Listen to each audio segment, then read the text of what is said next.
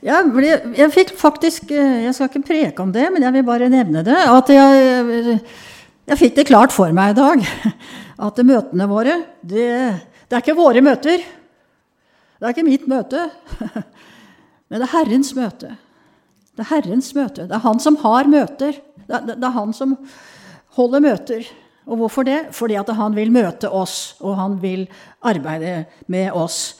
Og så, Da bare så jeg det klart. Ja, men vi, da? Vi er bare statister. Vi er Guds statister i hans møter. Og det er det jeg håper, og, og, det er det jeg tenker også, at det er, det er slik det må, må, vi må få se det. Og det må skje sterkere og sterkere. At vi merker det mer og mer. At det er Herren som har dette møtet. Det er ikke vi. Det er Herren som vil arbeide her, og det er Herren som vil gjøre sine gjerninger. Og det er Herren som vil ha talt sitt ord. Det er Herren som vil ha sunget sine sanger her. Og så er vi statistene hans da, som han kan bruke. Og, jo, og jeg tror at det er det som også er begynnelsen på vekkelsen. Det er at, vi, at Herren at Først så får vi bare se det, da. At det er ikke vi. Det er ikke vi som skal få til noen gode møter. Det er ikke vi som skal få til vekkelse. Det er ikke vi som skal gjøre sånn og sånn og sånn og sånn og finne på noen fine metoder og noe som helst. Det er Herren. Og derfor så er det snakk om Det blir jo vår utfordring å gi Herren rom i våre liv og på våre møter. Og at vi dypt i hjertet vet det. At det er Han, og det er bare Han. Alt er hans. Alt er hans. Og det er hans vilje, og det er hans plan. Og det er hans lengsel at mennesker skal bli frelst og komme til sannhetserkjennelse. Og så kan vi hekte oss på det. da. Altså, Vi leser i Guds ord, og vi skjønner at det er det som er Guds vilje. Men selve kraften i den lengselen, den ligger hos Herren. Det, det, bare, det bare skjønner vi. Kraften ligger ikke i meg til det. Ikke deg heller. Altså, vi vet at det er Herren som vil det, og vi, og vi, ber om det etter Herrens vilje. Men selve virkelig den dype lengselen, altså den virkelige nøden altså, og, og, kraften for dette, det, det, ligger i Herren. Så vår oppgave er jo å øh, Ja, det er jo flere. Det er å gi ham rom. Gi ham rom i våre egne liv. Øh, gi ham rom i våre tjenester, for vi vet at alle sammen så har vi et kall fra Gud. Alle har vi det. Altså, alle er vi hans statister, da. Hans statister. Så, så, det er det ene. At vi virkelig får se det dypere og dypere. At vi er hans statister. Altså vi er hans tjenere. Men det er, han, det er hans verk. Det er, det, er han som, det er han som vil det. Vi henger oss litt på denne viljen, for vi har lest om at det er sånn. Og, men jeg, jeg tror vi bare Enda vi lengter sånn etter vekkelse, så tror jeg vi må bare eh, få det veldig klart for oss at Guds lengsel etter vekkelse er milevis eh, større og sterkere enn vår lengsel. Det bare er det. Så det kan vi bare be om at Guds lengsel og Guds nød for ufrelste mennesker, at det skal mer og mer bli vår nød. Ikke fordi det er vårt, men fordi at Herrens nød skal kunne gjennomtrenge oss da, og, og gjøre sin gjerning.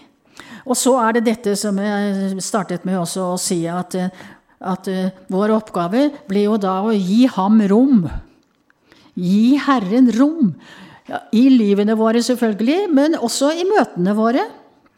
Og det tror jeg det skal en del frimodighet til.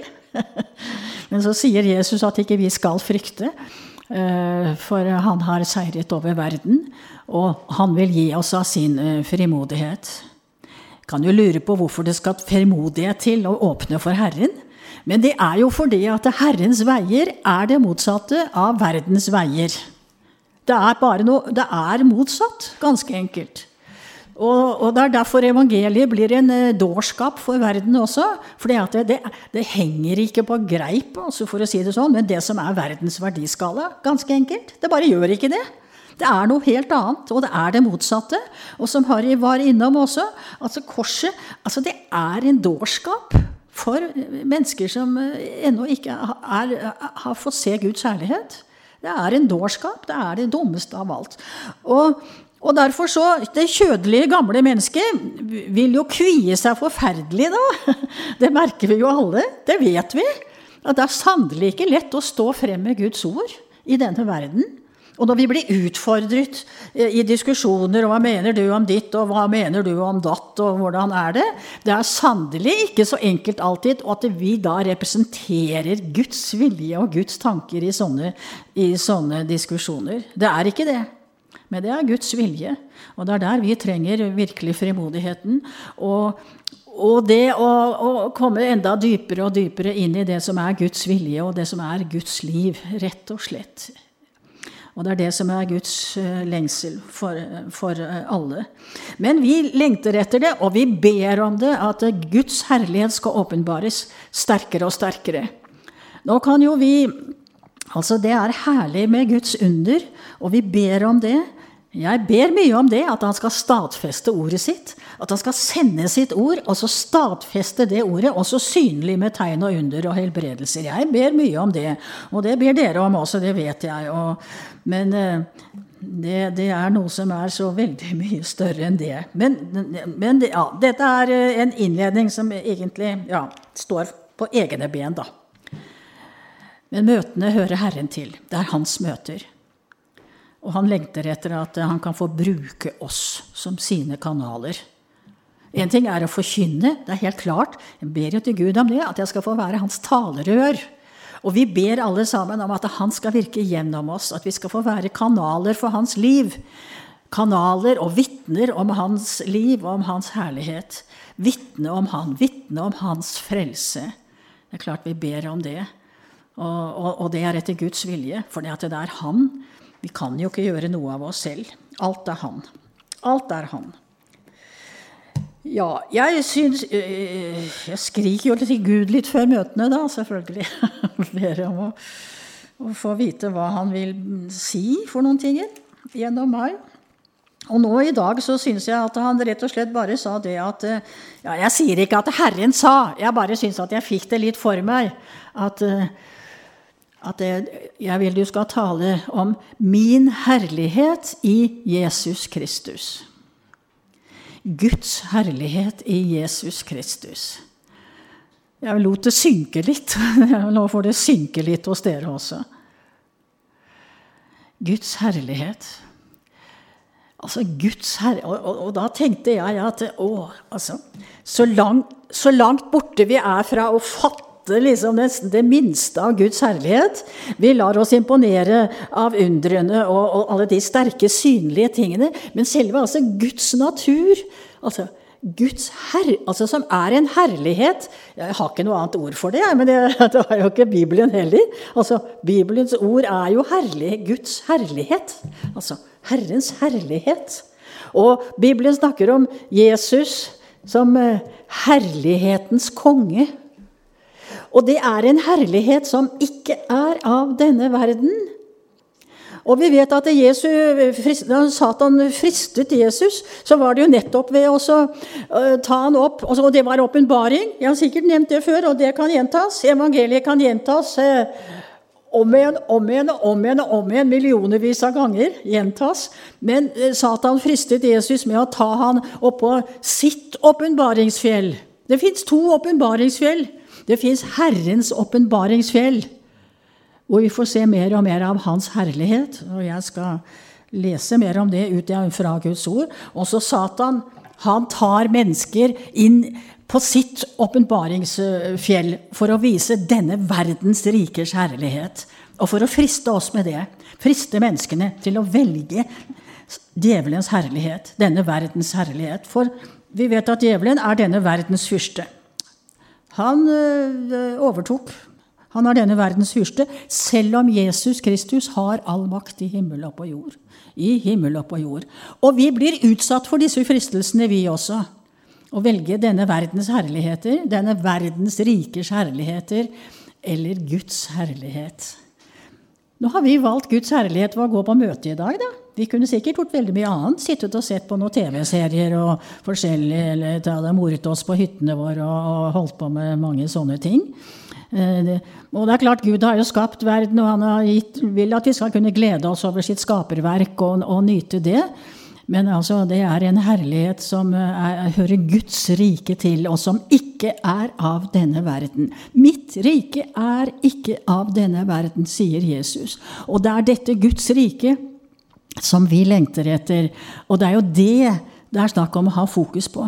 Guds rike. Ikke for at vi skal være så veldig fromme, liksom. At jo, jeg er så from, så jeg, jeg går mer etter Guds rike, jeg, liksom. Det er ikke det. Men det er fordi at Guds rike er det herligste av alt. Guds rike er det, men altså for det kjødelige mennesket, for for, for de menneskelige, så er det jo ikke det. Da er det denne verdens riker som er så kjempefristende. Men der har, Guds, der har Jesus gått foran oss, da. Og, og, han eh, seiret, og han bare sa fra hva det hele gjelder. Det gjelder Guds rike. Det gjelder Guds rike. Og det gjelder en herlighet som ikke er av denne verden. Og det gjelder en fred som ikke er av denne verden og en glede som ikke er av denne verden. Og når vi har samlet her sånn, så er det fordi at eh, vi er Guds barn. Og, og hvis det er noen her som ennå ikke har tatt imot syndenes forlatelse, så går det an å, å, gjøre det her i dag. Det går an. Fordi at vi er Guds barn, og vi har fått en ørliten smak. Vi har fått Den hellige ånd som pant i våre hjerter. En smak av den guddommelige herlighet. En smak av det. Men det er Guds Altså, en dag så skal vi få en dag så skal vi få erfare det helt. Den dagen vi går ut av kroppen. Guds herlighet. Og det er, altså det er selvfølgelig I menneskelige ord og vendinger så er det helt ubeskrivelig. Vi, og vi kan ikke forestille oss det, rett og slett. Vi kan ikke forestille oss det. Men vi har fått en smak. Og ikke bare det, men da begynner jeg med å lese Altså, Jeg har en bok til her, og det er ordboken. Bibelordboken. Der har jeg, der har jeg bare merka meg Det står veldig mye om Guds herlighet i Bibelen. Og, og, og det, det, har jeg merket av noen steder her sånn som vi skal ta og lese. Men vi begynner, uh, vi begynner i Johannes evangeliet og i det første kapitlet. Og det er veldig kjente ord. Og det er i vers 14. Og det er om Jesus, da som også er ordet som eh, Harry nå har eh, lagt ut for oss, om eh, Guds herlighet i ordet. Altså fordi at Guds herlighet er i, i, Guds ord. Og han som er ordet, det er Jesus. Og da leser vi fra Johannes 1, også vers 14, eh, om ordet ble kjød og tok bolig iblant oss. Og nå kommer bare en kjempebekjennelse. Da kan vi bare tenke etter er det min bekjennelse. Er det min bekjennelse? Er det mitt vitnesbyrd, det som kommer nå? Og vi så Hans herlighet. Ordet ble kjød og tok bolig iblant oss, og vi så Hans herlighet. Hvilken herlighet er det? En herlighet som den en enbåren sønn har fra sin far. Vi så Gud, Jesu herlighet, og det er Guds herlighet. Altså Jesus selv, altså. Han hadde en herlighet hjemme hos Faderen som han forlot. Han forlot Faderens herlighet, men han bar med seg Faderens herlighet i seg selv. Og brakte Guds herlighet inn i denne syndige, mørke, falne verden. Det er Ja, det er veldig mye å si om det. Jeg kan ikke si alt om det, men i hvert fall vi så Hans herlighet. Og det er en utfordring for oss også. Vi bare tenker Hvor mye har jeg sett av Jesu herlighet? Hvor mye har jeg fått se av Hans herlighet? Ja, vi tenker at ja, men da er det fordi han har helbredet oss, og det er en del av hans herlighet. Men det er bare Ja, det, det, det er bare noe vi får i tilgift. For det er ikke det som er selve herligheten. Herligheten er selve Guds liv. Faderens liv. Faderens natur. Han er kjærlighet. Han, altså, det er jo et ord som blir misbrukt så voldsomt i vår tid. Du tror at liksom Guds kjærlighet det er å ha sex med alle mennesker omtrentlig. Jeg mener, Det er bare helt grusomt å tenke på. Men Gud er kjærlighet. Men vi vet det er den guddommelige kjærlighet. Det er ikke denne verdens kjærlighet, det er den guddommelige kjærligheten. Som ikke krever sitt eget, som ikke krever å få tilfredsstilt sine egne behov osv., men som bare har ett eneste ønske, og det er å flyte til andre mennesker med, med Guds kjærlighet. Med kjærlighet. Det er Guds kjærlighet. Og derfor så kom ordet. Men ordet ble kjød og tok bolig iblant oss, og vi så hans herlighet. En herlighet som den en enbåren sønn har fra sin far. Og så kommer en beskrivelse av den herligheten. Nå kommer en beskrivelse av Guds herlighet, som er i Sønnen, og som Gud åpenbarer for mennesker gjennom Jesus Kristus. Gjennom Jesus Kristus, Guds sønn. Og da står det om denne herligheten. Altså, vi så hans herlighet, sier disiplene. Sier Johannes.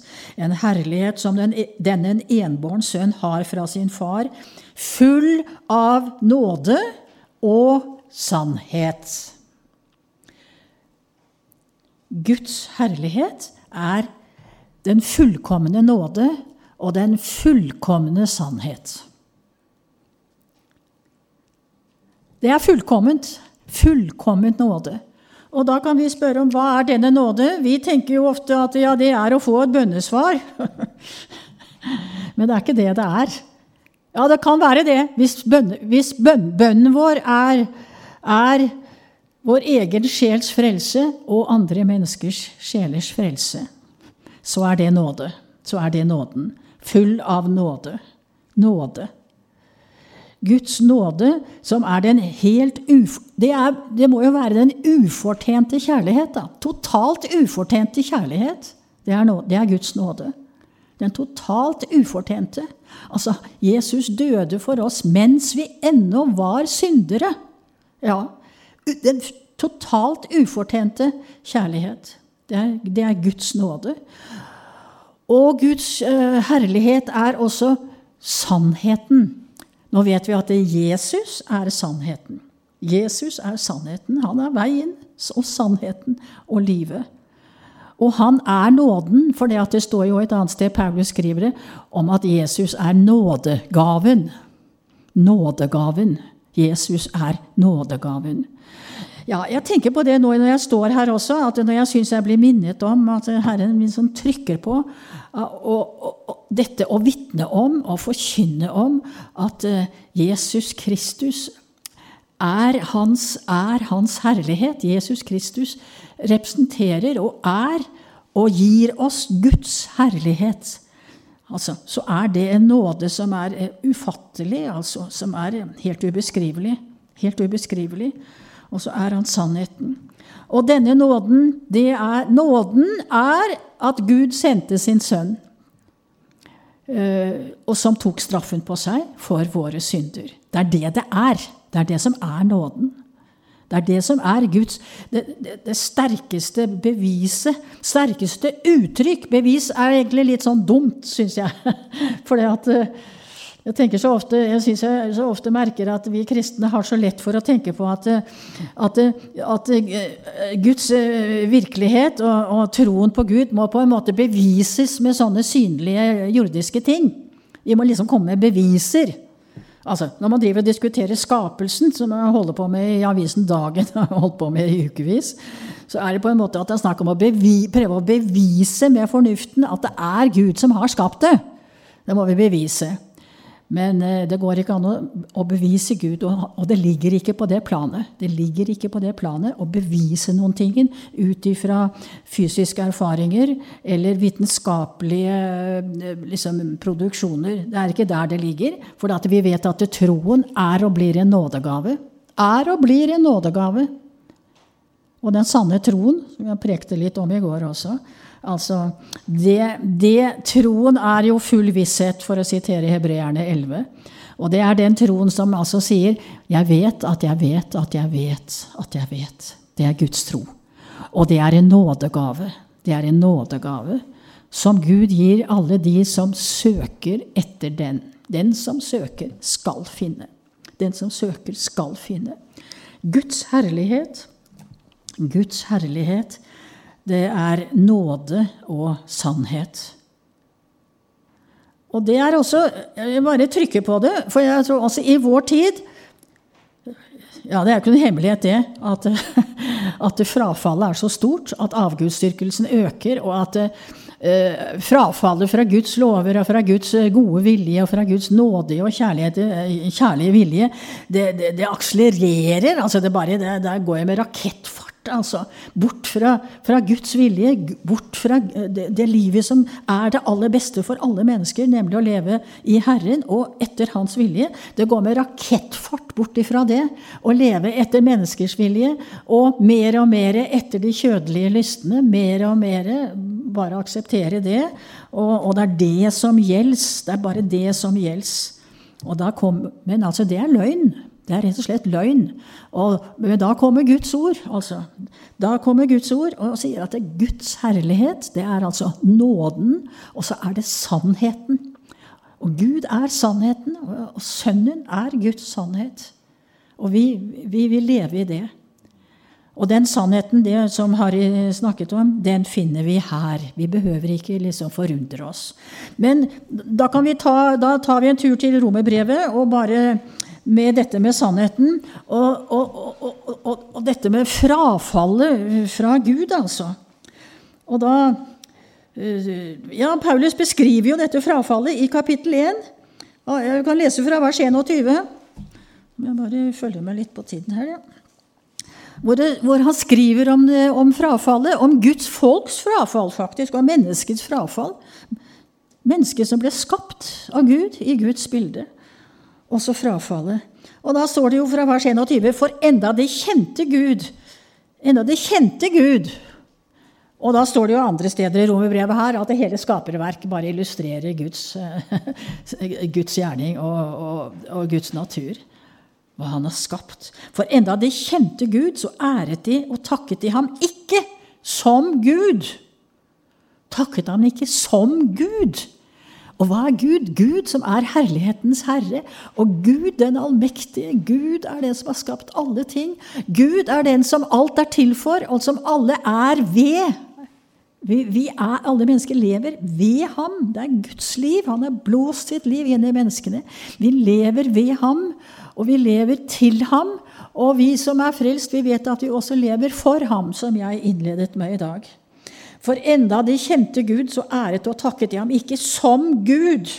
Isteden altså Det er alternativet, og det er det vi ser utfolder, utfolder seg nå altså med rakettfart da, i verden omkring oss. Isteden så ble de tomme i sine tanker, og deres uforstandige hjerter ble formørket. Og så kommer det som er en ekstrem realistisk beskrivelse av dagens eh, besserwissener. De som liksom vet alt og skjønner alt og har rett og sånn. Og som holder på med mediene hele tiden. Mens de ga seg ut for å være vise, så ble de dårer. De er dårer. Er, altså, vi kan lese i mediene, og vi kan høre og vi hører det hele tiden, at de er så kjempekloke, og de er så veldig forståelsesfulle, og de er så veldig snille, og, og, og så videre og så videre. Men Bibelen sier bare at det er dårskap. De syns de er så vise. De syns de er så gode og kjærlige. Men det er en falsk kjærlighet. Det er en, eh, det er en, kjødelig kjærlighet. Det er kjærlighet til lystne, rett og slett. Det er kjærligheten til at menneskene skal leve ut sine lyster sånn som de syns. Altså, jeg tror jeg nevnte det i går, og jeg så akkurat på nettet altså en av de seriøse avisene som altså hadde, hadde et sånt oppslag om at her er oppskriften på gruppe, gruppe 6. Seriøs avis som bare lanserer oppskriften på gruppe, gruppe 6. Jeg mener Altså, Man bør ikke være så kjempekristelig for å skjønne at det med gruppesex det har ikke mye for seg. det styrker ikke ekteskapet, akkurat. Det styrker ikke kjærligheten. Det styrker ikke omsorgen for hverandre. Det styrker ikke det er, det er, så destruktivt. Det er så destruktivt og ødeleggende. Men altså, det er seriøse avis som rett og slett på en måte avorterer med det. Oppfordrer til det. Altså det er bare et bitte lite eksempel på hvordan det nå arter seg. Og de syns de er så vise, de syns de er så snille, de syns de er så kloke. Men de er milevis borte fra Herrens herlighet. Milevis borte fra Guds nåde, altså. Guds nåde i Jesus Kristus, som han har åpenbart. Borte vekk, borte vekk. Mens de ga seg ut for å være vise, ble de dårer. Og så kommer det Og så kommer det, og det er vers 23. 23 for de som er født etter 1938. Og de byttet bort den uforgjengelige Guds herlighet. Menneskene har byttet bort Guds uforgjengelige herlighet. Og Guds herlighet er uforgjengelig. Amen! Amen! Altså, det burde de ha litt greie på. Det burde folk være 100% klar over. Det er de ikke.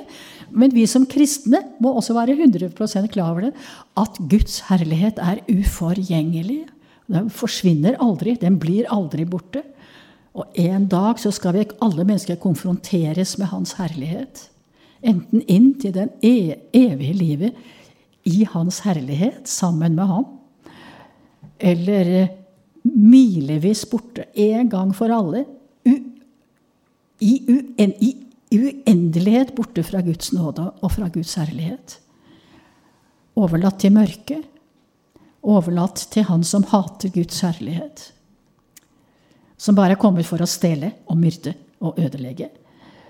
Borte fra Guds uforgjengelige herlighet i lyset. Harry pekte på dette med lyset også. Og alternativet til lyset, det er mørket. Det absolutte mørket. Det totale mørket. Han som er fyrste der, han vet hvem han er. De byttet bort den uforgjengelige Guds herlighet. Mot hva da? Hva er alternativet? Mot et bilde. Og det er bare et bilde. En avbildning av et forgjengelig menneske. Hva er det? Det er humanismen. Det er å dyrke mennesket.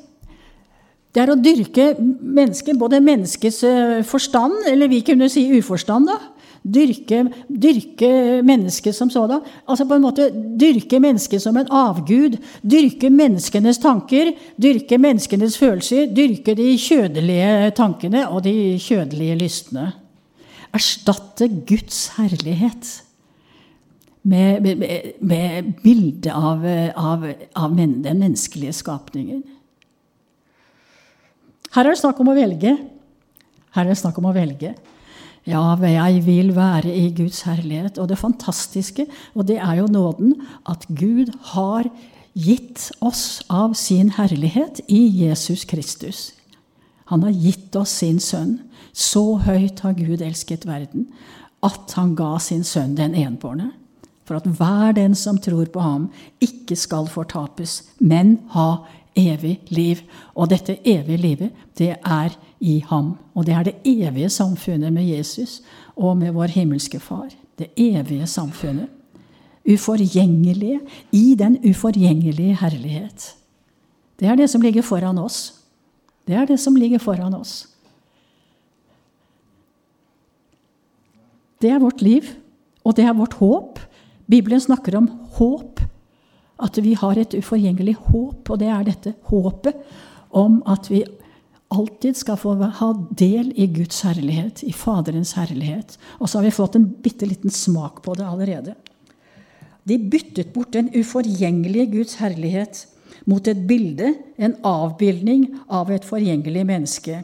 Og så fortsetter jo, og av fugler og firbente dyr og krypdyr. Ja, altså Jeg bare tenker på det. Ulvene har mye større omsorg og livsrett enn et levende menneskebarn i mors liv har ulvene. Altså dyrker et bilde av skapningen, av mennesket og av dyrene. Det står over. Det står over det som er Guds vilje. Det står over det som er Guds herlighet. Bare erstatter det. Og det er humanismen som er Og, og, og kunne si dyrismen, kunne man jo si, da. Å dyrke dyrenes liv. Nei, altså ulvene har større ulvene. Og hoggormen jeg, jeg, går og plukker bær i skogen, og i den skogen er det litt hoggorm innimellom. Jeg kan ikke si jeg liker det, men jeg har greid meg hittil, da. Eh, men altså, hoggormen har også større livsvern enn eh, en eh, fosteret i mors liv. Fosteret i mors liv er bare å skrape ut. I gamle dager, den gangen jeg praktiserte, da, da, da var det snakk om da, da, var abort det var, Og alle som har vært i helsevesenet, vet det. Det var å stikke ikke sant, en metallskrape inn i kvinnens livmor og skrape i stykker det fosteret som var inni der. Da kom det ut løse bein og armer og litt forskjellig sånt noe. Ja. Såkalt barmhjertighet. Altså jeg har selv, Før jeg ble frelst, har jeg selv Jeg er så gammel at jeg levde før abortloven kom. Jeg skrev abortsøknader. Jeg bare brukte min skriveferdighet, og jeg fikk det gjennom. Jeg er medskyldig, rett og slett. Men altså, når, du, når vi ikke har fått del i Guds, ikke har fått se glimt av Guds herlighet, ikke har fått se noe av Jesu Kristi herlighet, ikke har fått, se, ikke har fått del i noe av Guds herlighet, ikke har fått se ham, se noe av ham, ikke har troen altså, da er det, og Det kan jeg bare vitne om selv. Altså, jeg var helt sikker på at det, det, var jeg som representerte kjærligheten når jeg skrev disse abortsøknadene. Syntes så synd på disse damene som ikke syntes det passet å få barn akkurat da. og sånt. Nå. Jeg var helt sikker på at det var jeg som representerte kjærligheten. Og de som satt i denne såkalte abortnemnden, de var jo helt kjærlighetsløse, løse, mente jeg, da.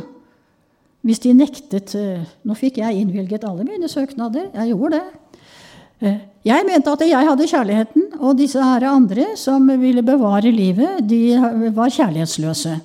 Altså, sånn, sånn er det å være en dåre, ganske enkelt. Sånn er det altså å bytte bort den uforgjengelige Guds herlighet mot et bilde, en avbildning av et forgjengelig menneske, og av fugler og firbente dyr. Og krypdyr, det er hoggorm. Hoggormen har altså, vet vi, et, det har livets rett og livets vern av offentligheten. Mens levende menneskebarn de kan man bare Nå driver man ikke og skraper dem i biter. Nå, nå, bare, nå går det medikamentelt og sånt, nå da, men drepe dem Drepe skal de. Ja. Altså Det er helt forferdelig, og det er det, det er det Paulus skriver om her også. Det er det Guds ord sier. Og Derfor er det snakk om å holde seg til sannhet. Hva er sannhet? Guds herlighet er sannheten. Guds nåde er sannheten. Det er det som er sannheten. Det er der sannheten er. Kan du lese litt videre òg. De byttet bort Guds sannhet. Altså full av nåde og sannhet. Gud. Guds herlighet i Jesus Kristus, full av nåde og sannhet. Og så står det her i vers 25 i Romerne 1 de byttet bort Guds sannhet mot løgnen. Altså, det er et valg. Altså, Nå må jeg si om meg selv altså det, Jeg må si som Paulus sa, at jeg er den største synder av alle, men det var for at jeg var uvitende, sa han. Og det var jeg òg. Jeg var uvitende, jeg hadde ikke sett det. Altså, Jeg bare så feil. Jeg hadde bare ikke skjønt det. ikke sant? Jeg, bare, jeg var uvitende. Jeg hadde ikke sett det. Jeg husker jeg var i sånn abortdiskusjon med noen kristne en gang. Jeg syntes de var helt gærne. altså, når De drev sånn. De byttet bort Guds sannhet mot løgnen. For dette er løgnen, altså. Altså, det er løgnen. Alt som ikke er av Guds sannhet, alt som ikke har del i Guds herlighet, alt som ikke er av Guds sannhet Og Guds sannhet har vi i Guds ord. Alt som ikke er etter Guds ord, det er løgn. De byttet bort Guds sannhet mot løgnen og æret og dyrket skapningen fremfor skaperen, han som er lovprist i evighet. Rett og slett og byttet bort Guds herlighet, som er åpenbart egentlig for alle mennesker i Jesus Kristus, i Sønnen, i Sønnen Ordet ble kjød og tok bolig blant oss, og vi så Hans herlighet, en herlighet som den en enbåren sønn har fra sin far, full av nåde og sannhet. Og denne sannheten er det menneskene bytter bort mot løgnen. Og denne herligheten, skaperens herlighet, Guds herlighet, har de flyttet over til mennesket og gjort mennesket til en herlighet og gjort mennesket til en sannhet i seg selv. De byttet bort Guds sannhet mot løgnen og æret og dyrket skapningen framfor skaperen, han som er lovprist i evighet. Dere, vi har litt av et vitnesbyrd å komme med. Vi har litt av et evangelium å komme med. Vi har et livets evangelium å komme med. Livets, og, og, og, livets herre og livets konge, herlighetens konge og herlighetens herre, han er det vi har å komme med. Det er han vi har å komme med. Det er han vi har. Det er han vi har fått tatt imot. Det er han som lever i oss ved troen. Det er hans liv er i vårt liv. Det er, det det vi har. Og det har vi i Guds ord. Og samtidig så er det så flaut å komme med Guds ord.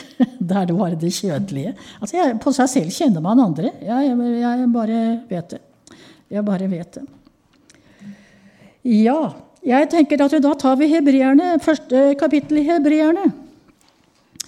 Fordi at dette med Guds Altså, jeg kan jo aldri beskrive Guds herlighet. Ingen av oss kan det. Det er jo bare milevis. Vi har fått glimt. Men så har vi jo vi har jo Guds ord som sier noe, da. Og som også repeterer dette som Johannes eh, skrev om Sønnen som har Guds eh, herlighet. Og da skriver hebreerbrevets Hebrebrevets forfatter om Sønnen, da. Og så skriver han om han i vers 3, kapittel 1, 3. Og der står det det samme. At Sønnen, altså Jesus Kristus, han er avglansen av, av Guds av hans, og det er Gud. Han er avglansen av Guds herlighet og avbildet av hans vesen, og han bærer alle ting ved sin krafts ord. Og så kommer, og så kommer virkelig forklaringen på hans nåde og på hans herlighet eh, og på selve evangeliet. Etter at han hadde fullført renselsen for våre synder, satte han seg ved majestetens høyre hånd i det høye. Eh, det er bare Ja, det er bare Sånn er det. Sånn er det. Så ja, Nå skal vi ta litt mer i hebreerbrevet her. Eh, vi tar kapittel 2, også vers 9, og da får vi det enda tydeligere. Om Jesus og om hans herlighet. Hva denne herligheten er. Men han som for en kort tid var satt lavere enn englene, Jesus, ham ser vi kronet med herlighet og ære. Hvorfor det? Og her kommer nåden inn. Her kommer nåden og sannheten inn. Her kommer Guds nåde. Altså, Han har sønnen full av Guds herlighet, full av nåde og sannhet. Nå kommer nåden. Fordi han led døden for at han ved Guds nåde skulle smake døden for alle. Guds nåde er at han lot sønnen sin smake døden for alle mennesker. Guds nåde. For at han Altså, han ble kronet med herlighet og ære, Jesus altså. Hvorfor det? Fordi han led døden for at han ved Guds nåde Altså, Guds nåde, tenk på det. Guds nåde er at han lot sønnen sin gå til korset. Ja, jeg har jo hørt folk si at, og det, som har hatt et dårlig farsbilde Ja, det var litt av en far liksom, som sendte sønnen sin til det forferdelige korset. Ja. Men Guds nåde er for oss alle sammen. Og Jesus vet vi sa ja. Han sa ja. Det var Jesu ja. Ja. Han ville gi seg selv. Han ville gå i døden for deg og for meg og for alle mennesker. For å berge oss fra døden. For å berge oss fra døden. Men han som for en kort tid var satt lavere enn englene, Jesus, han, han ser vi kronet med herlighet og ære fordi han led døden for at han ved Guds nåde skulle smake døden for alle. Og da, når dette med når det, å smake døden, da kan vi bare gå til vers 14 eh, og 15, hvor det står om dette med døden. Altså, jeg må bare si Før jeg ble frelst, da var jeg bare sikker på det at døden, ja, da er det slutt. Da er det over. Døden, da er det ikke noe mer. Da er det bare ikke noe mer. Da er det slutt på alt. Så det er greit. Og, så mitt valgspråk det var at man, man, fikk bare stå på mens man kunne, og sånn, og leve livet Ja, jeg oppførte meg ordentlig. Jeg har god oppdragelse, jeg, altså. Men altså, det var nå, her, her det gjaldt. Det var her man kunne holde på. Og når man var død, så var det slutt og over. Det er feil. Det er så alvorlig feil som det kan få blitt. Det er ikke slutt når vi dør.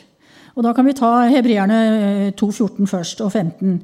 Da nå barna altså da, Dette er om Jesus da, som inkarnerer. Og barna, det er oss. Det er menneskebarna. Da nå barna har del i kjøtt og blod, så fikk også han på samme vis del i det. Hvorfor det? Jo, for at han ved døden skulle gjøre til intet Hva skulle han gjøre til intet ved døden? For at han ved døden skulle gjøre til intet den som hadde dødens velde, det er djevelen. Oi! Altså, jeg tok feil når jeg tenkte at når døden, da er det slutt. Ja, det er greit. Ferdig med det. Det er ikke slutt. Det er ikke slutt. Han som har dødens velde, det er djevelen. Det er ikke slutt ved døden. Det er enten inn i Guds herlighet, og det er en herlighet som vi ikke kan fatte og begripe i det hele tatt. Det er inn i Guds herlighet, eller så er det inn i Han som har dødens velde, og det er djevelen, han som bare er kommet for å stjele og myrde og ødelegge og pine og plage. Det er dette det er, og det er derfor Jesus kom. Da når barna har del i kjøtt og blod, så fikk også han på samme vis del i det. For at han ved døden, altså ved sin død Faderen sendte sønnen inn i denne døden for at han ved døden skulle gjøre til intet den som hadde dødens velde. Det er djevelen. Og, og så kommer frelsen. Og utfri alle dem som av frykt for døden var i trelldom hele sin livstid. Det er bare vi, liksom overklassevesten, det er bare vi som er så fornuftige og kloke og innbiller oss at nei, det der med døden det er ikke noe å være redd for, for det er bare slutten på livet vårt. Det er ikke noe mer å pese med. Ellers har menneskene til alle tider de har vært redd for døden. Alle har hatt fornemmelsen av at det, det er noe forferdelig med døden. Det er noe forferdelig noe. Det er noe forferdelig. Og de forskjellige eh, religioner og de forskjellige og innfødte ritualer osv. osv. forholder seg til det og har sine eh, forsøk på liksom å, gjøre ting med det. Men det Gud gjorde, det var ikke et forsøk på å gjøre noe med det. Det var å gjøre noe med det. Og det var å sende sin egen sønn i døden for oss for at han ved døden skulle gjøre til intet den som hadde dødens velde, det er djevelen. Og utfri alle dem som av frykt for døden var i trelldom hele sin livstid. Det er altså bare vi i Vesten nå som er så veldig fornuftige og opplyste og så kjempekloke, syns vi da, men som altså er dårer. Det er bare vi som ikke er redd for døden. Ja, altså du må være redd for selve dødsprosessen. Det, og sånn da. Men altså at når man er død, så er man død. Ikke noe å være redd for. Det er bare helt feil. Og da tar vi bare og minner hverandre om hva Jesus sier om det med døden. Og det står jo en del i Bibelen om dødsriket. At de kom til dødsriket. Det er ikke en tomhet. Det er ikke at det er, da er det stille og fredelig og ferdig med det. Det er ikke det. Og Jesus snakker jo nettopp om, om det når han forteller om eh, Lazarus, den rike mannen og Lasarus. Da forteller Jesus om det. Og, og, om at de begge døde, ikke sant? Og at Lasarus var å finne i Abrahams favn. Det var jo før Jesus eh, selv eh, hadde frelst alle mennesker ifra døden. Men at den rike mannen, altså han de døde begge to. Også den rike døde, står det, og ble begravet. Dette er Lukas 16. Eh, og nå leste jeg fra vers 23. Da jeg leste vers 22, og så kom jeg til vers 23. Og da han, og det er den rike mannen, da han slo sine øyne opp i dødsriket Altså, da slo han sine øyne opp. Han var ikke død, han var levende. Han var levende i dødsriket. Menneskene er levende i dødsriket da han åpnet sine, slo opp sine øyne i dødsriket, der han var i pine. Der han var i pine. Dødsriket er et sted hvor mennesker som ikke har tatt imot forløsningen i Jesus Kristus, og som ikke har tatt imot Jesu tilbud om at Jesus døde for oss og løste oss fra dødens rep, de er i pine. Da han slo sine øyne opp i dødsriket, der han var i pine. Og så sier han i slutten av vers 24.: For jeg lider svær pine i denne ilden. Dette var det Jesus. Dette er det Jesus har frelst oss fra. Dette er det Jesus har frelst oss fra. Og vi vet at i det, det, altså det Gamle testamentets bud og lover de er jo hellige og fullkomne og rene. Men, altså har, men loven har jo som kjent ingen kraft til å frelse. Det er ikke nok å vite om hvordan man skal leve. Det er ikke nok å vite om hva som er Guds vilje for menneskenes liv. Men Det er, det er, bare én som har greid å leve det livet, vet vi, og det er Jesus. Det er bare én som kan føre oss inn i helligdommen, og det vet vi er Jesu blod. Det er bare én som kan rense fra all synd, og som har åpnet veien like inn i helligdommen for oss gjennom sitt eget ødelagte, korsfestede, torturerte legeme. Det er bare én, og det er Jesus Kristus. Og dette med den gamle pakt og den nye pakt og, ja, jeg, jeg, tror jeg bare tar det før jeg gir meg. Da er vi tilbake i Johannesevangeliet. Jeg tror jeg har forkynt det før, men det kan veldig godt gjentas. For dette er noe med Jesu, det er noe med Jesu herlighet. Jeg bare repeterer, jeg bare repeterer eh, Johannes 1,14 først. Ordet ble kjød og tok bolig iblant oss, og vi så Hans herlighet. Halleluja. Vi kan bare be Herren om å åpenbare mer og mer for oss av Jesu herlighet. Og Jo mer vi får se av Jesu herlighet, jo mer får vi se av Guds herlighet. Og vi så Hans herlighet, en herlighet som den en enbåren sønn har fra sin far, full av nåde og sannhet. Og så står det i Johannes 2 Og jeg husker at når jeg begynte å lese Bibelen, da, når jeg ble frelst, og, og når jeg kom til det og leste kapittel 2 så syntes jeg det var veldig rart.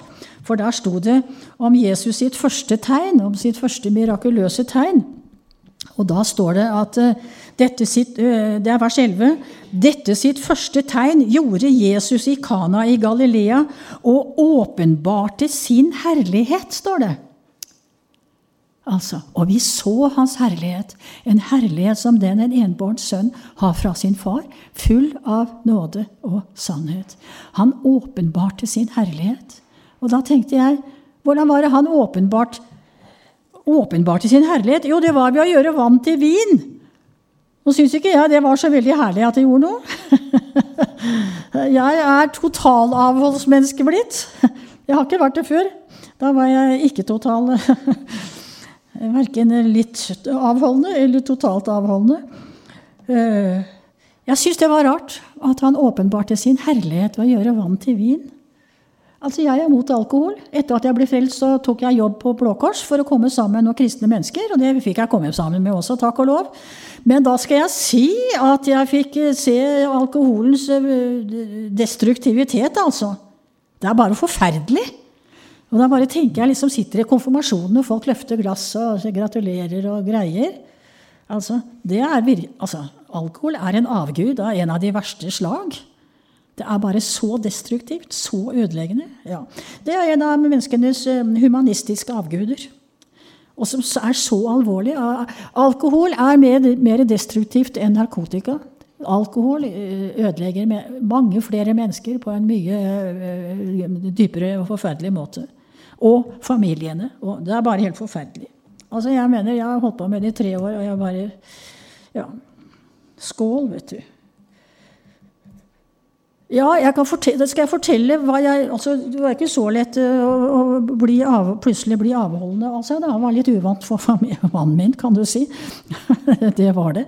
Og så var vi faktisk eh, Vi drev og spilte kammermusikk, og så var, hadde mannen min funnet ut at vi skulle ta oss en tur Vi skulle reise ned til, uh, gjennom Tyskland, og så, skulle, og så hadde han skrevet til forskjellige mennesker. Det finnes en liste over folk som spiller kammermusikk, nemlig amatører. Og så hadde han skrevet brev til tolv forskjellige sånne amatører nedover i Tyskland om at vi kom på besøk. Og jeg spiller cello, og vi hadde celloen i baksetet, og pluss en bunke med noter. Og så dro vi av gårde og hilste på folk og spilte med dem, og det var veldig morsomt. Og så kom vi til en ble, i Tyskland som var kjempebegeistra. Han syntes det var så morsomt å spille med oss. Jeg bare sier det, så Han syntes det var kjempemorsomt. Og da sa han Timen er kommet da den vinflasken som jeg har spart på i min vinkjeller i flere år, for at den skal benyttes i, i virkelig en spesiell situasjon, øyeblikket er kommet. Nå skal den vinflasken sprettes. Og der satt jeg, liksom, som ikke, ikke skulle drikke. Uh, han nede i kjelleren, vet du, og hentet vinflaskene. Og, ja, så begynte jeg litt forsiktig med at jeg skulle tross alt eh, kjøre til hotellet, for vi bodde på hotell. Så dessverre. Nei da, men vi skulle jo ikke, vi skulle jo ikke slutte enda, vi skulle jo spille mye mer. Og det, jeg kunne bare drikke et halvt glass, så det kom til å gå kjempefint. Og jeg satt og så på mannen min og bare tenkte det at Ja, dette er nummeret før skilsmissa, altså hvis jeg ikke trår til. Og da valgte jeg ikke skilsmisse, for å si det sånn. Ja, så da løftet vi glasset, og så sa han 'Skål for Satan'. Det er sant. Han sa det på svensk. Han sa et enda verre ord enn Satan, men det har jeg ikke lyst til å si her. Og da tenkte jeg Der sa han det. Det er sånn det er. Det er sannheten. Skåle for Satan. Vinen. Han, han, han, forklarte seg. Han sa jeg har jobbet i mine yngre år i Sverige. Og da sa de alltid det, sånn, når vi drev og drakk. Skål for Satan. Jeg tror det er bare sannheten i et nøtteskall. Skål for Satan. Skål konfirmant for Satan. Skål for Satan. Sånn at da, da, skjønner vi bare det at vi, vi driver ikke og flørter med denne vinen. og vi flørter ikke med det. Men i hvert fall når jeg leste om at Jesus altså Det er bare for oss. Pinsevennene har jo begynt å være så veldig, veldig sånn, forståelsesfulle og hyggelige og skal drikke litt grann, og være veldig sånn relevante og alt mulig sånt noe. Altså Det er bare en sånn misforståelse. De aner ikke hva de driver med. Skål for Satan, sa han. Sannheten i et nøtteskall. Sannheten i et nøtteskall. Da fikk vi det. Da fikk jeg det rett i ansiktet. Men altså, det var jo samtidig Ja, da fikk jeg en bekreftelse på det, så det var ikke noe mer å lure på. Men altså, sånn at når Jesus, jeg leste om at Jesus åpenbarte sin herlighet ved å gjøre vann til vin, så var ikke det Ja, ja jeg syns ikke det var så kjempeimponerende, for å si det mildt. Men da er det et spørsmål, og hele Skriften altså Jeg tror jeg har prekt det før, men jeg gjentar det bare. Ehm, hele Skriften er jo det det er jo, det er jo for, det er, jeg holdt på å si forsøk, for det blir alltid forsøk. Det er jo snakk om å, å forsøke å åpenbare åndelige sannheter gjennom, eh, gjennom menneskelige fortellinger. Om, gjennom menneskelige hendelser. Sånn som når Jesu åpenbarer sin herlighet eh, og oppreiser Lasarus fra de døde. Så er det ikke det at 'Å, det er så fint med Jesus fordi at han kan oppreise mennesker fra de døde'. Det er ikke det som er så fint. For det at Lasarus døde jo eh, senere. Det er klart. Men det er et mektig, mektig vitnesbyrd om oppstandelsen. Det er et mektig vitnesbyrde om oppstandelsen i Jesus Kristus. Den dagen vi dør, så oppstår vi sammen med han til et nytt liv. Altså, det er jo bare fantastisk. Og det er, sånn disse, det er sånn vi må se på det som står i Bibelen. At det er åpenbaringer av mektige åndelige sannheter. Hvilke åndelige sannheter er det som ligger i det? Hva var det Jesus åpenbarte om sin herlighet da han gjorde vann til vin? Og jeg har sett det sånn at det vannet, det var det, det, var det vannet som var i sånne steinekarer. ikke sant? Eh, som, og det er et bilde på loven, for det var der de vasket seg, prestene, før de gikk inn i helligdommen, for å bli rene for Gud. Det er loven. Det er den gamle pakt. Det er den gamle pakt, og den, og den holder ikke. Budene holder. Guds vilje holder. Guds ord holder. Men at vi skal kunne rense oss, bli renset og, få del i Guds herlighet med å oppføre oss etter loven, altså det går bare ikke, for det greier ingen av oss. Ikke et eneste menneske greier det. Bare menneskesønnen har gjort det en gang for alle mennesker og gikk i døden for oss. Vannet er loven, det er den gamle pakt.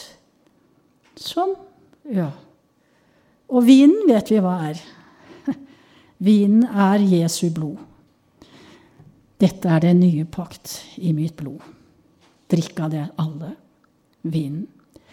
Der viste han sin herlighet. Det er korsets herlighet. Det er forløsningens herlighet. Det er herligheten ved Jesu død og oppstandelse. Det er herligheten ved at han ga sitt liv, han ga sitt legeme, han ga sitt blod til renselse for oss. Han åpnet veien for oss like inn i Guds herlighet like inn i Guds herlighet. Og dette er nåde. Guds herlighet er Guds nåde og sannhet. Nådegaven. Han ga seg selv. Han led for oss. Han gikk korsets vei. Han utøste sitt blod for deg og meg, for alle mennesker. Og slik åpenbarte han sin herlighet. Slik åpenbarte han sin herlighet. Ordet ble kjød og tok bolig blant oss. Og vi så hans herlighet, en herlighet som den en enbåren sønn har fra sin far, full av nåde og full av sannhet. Vi går for Han. Vi går for Han. Vi vil leve i Hans herlighet. Vi vil leve i Hans sannhet. Vi vil leve i Hans sannhet, som er Hans ord. Og vi vil tilbe ham, og vi vil åpne for ham. Vi vil åpne for ham, og vi vil åpne for Guds herlighet. Vi erstatter alle menneskelige herlighet, alle menneskelige såkalte sannheter, alle menneskelige såkalte kjærlighetshandlinger. Vi bare feier det vekk, og vi erstatter det med Guds herlighet, med Guds herlighets nådesord, og med Guds herlighets nåde og sannhet. Vi vil leve i det. Og så vil vi åpne oss mer og mer for Guds herlighet og for Guds sannhet og for Guds ord. Og, at, og vi bare ber. Ja, jeg ber deg, Herre. Herlighetens Herre, jeg ber deg om at du skal fylle oss mer og mer med din sannhet og med din herlighet, og føre oss dypere og dypere inn i din herlighet, inn i herlighetens liv. Bare ber deg om det, Far, i Jesu Kristi navn. Og jeg ber om at du skal overta våre møter mer og mer, sterkere og sterkere, og gjøre dine gjerninger til ånd, sjel og legeme. At du ved ditt ord, ved din ånd, skal åpenbare dybdene i din herlighet, dybdene i din frelse, dybdene i din forløsning. At du gjør det for vår ånd til menneskers frelse og til vår, at, eh, vår dypere, helliggjørende frelse. At vi skal få se mer og mer, leve dypere og dypere i deg, Jesus. Og vi ber om at du åpenbarer din herlighet også for menneskers sjeler som har problemer og vanskeligheter og psykiske lidelser. At du skal bare komme og sette mennesker i frihet også fra det. Og vi ber om at du skal bare overøse oss med din herlighet også til våre legemer. At du skal helbrede mennesker. Og på den måten så åpenbarer du din herlighet. Du åpenbarer herligheten i ditt rike. At der er det ingen lidelse, der er det ingen sykdom.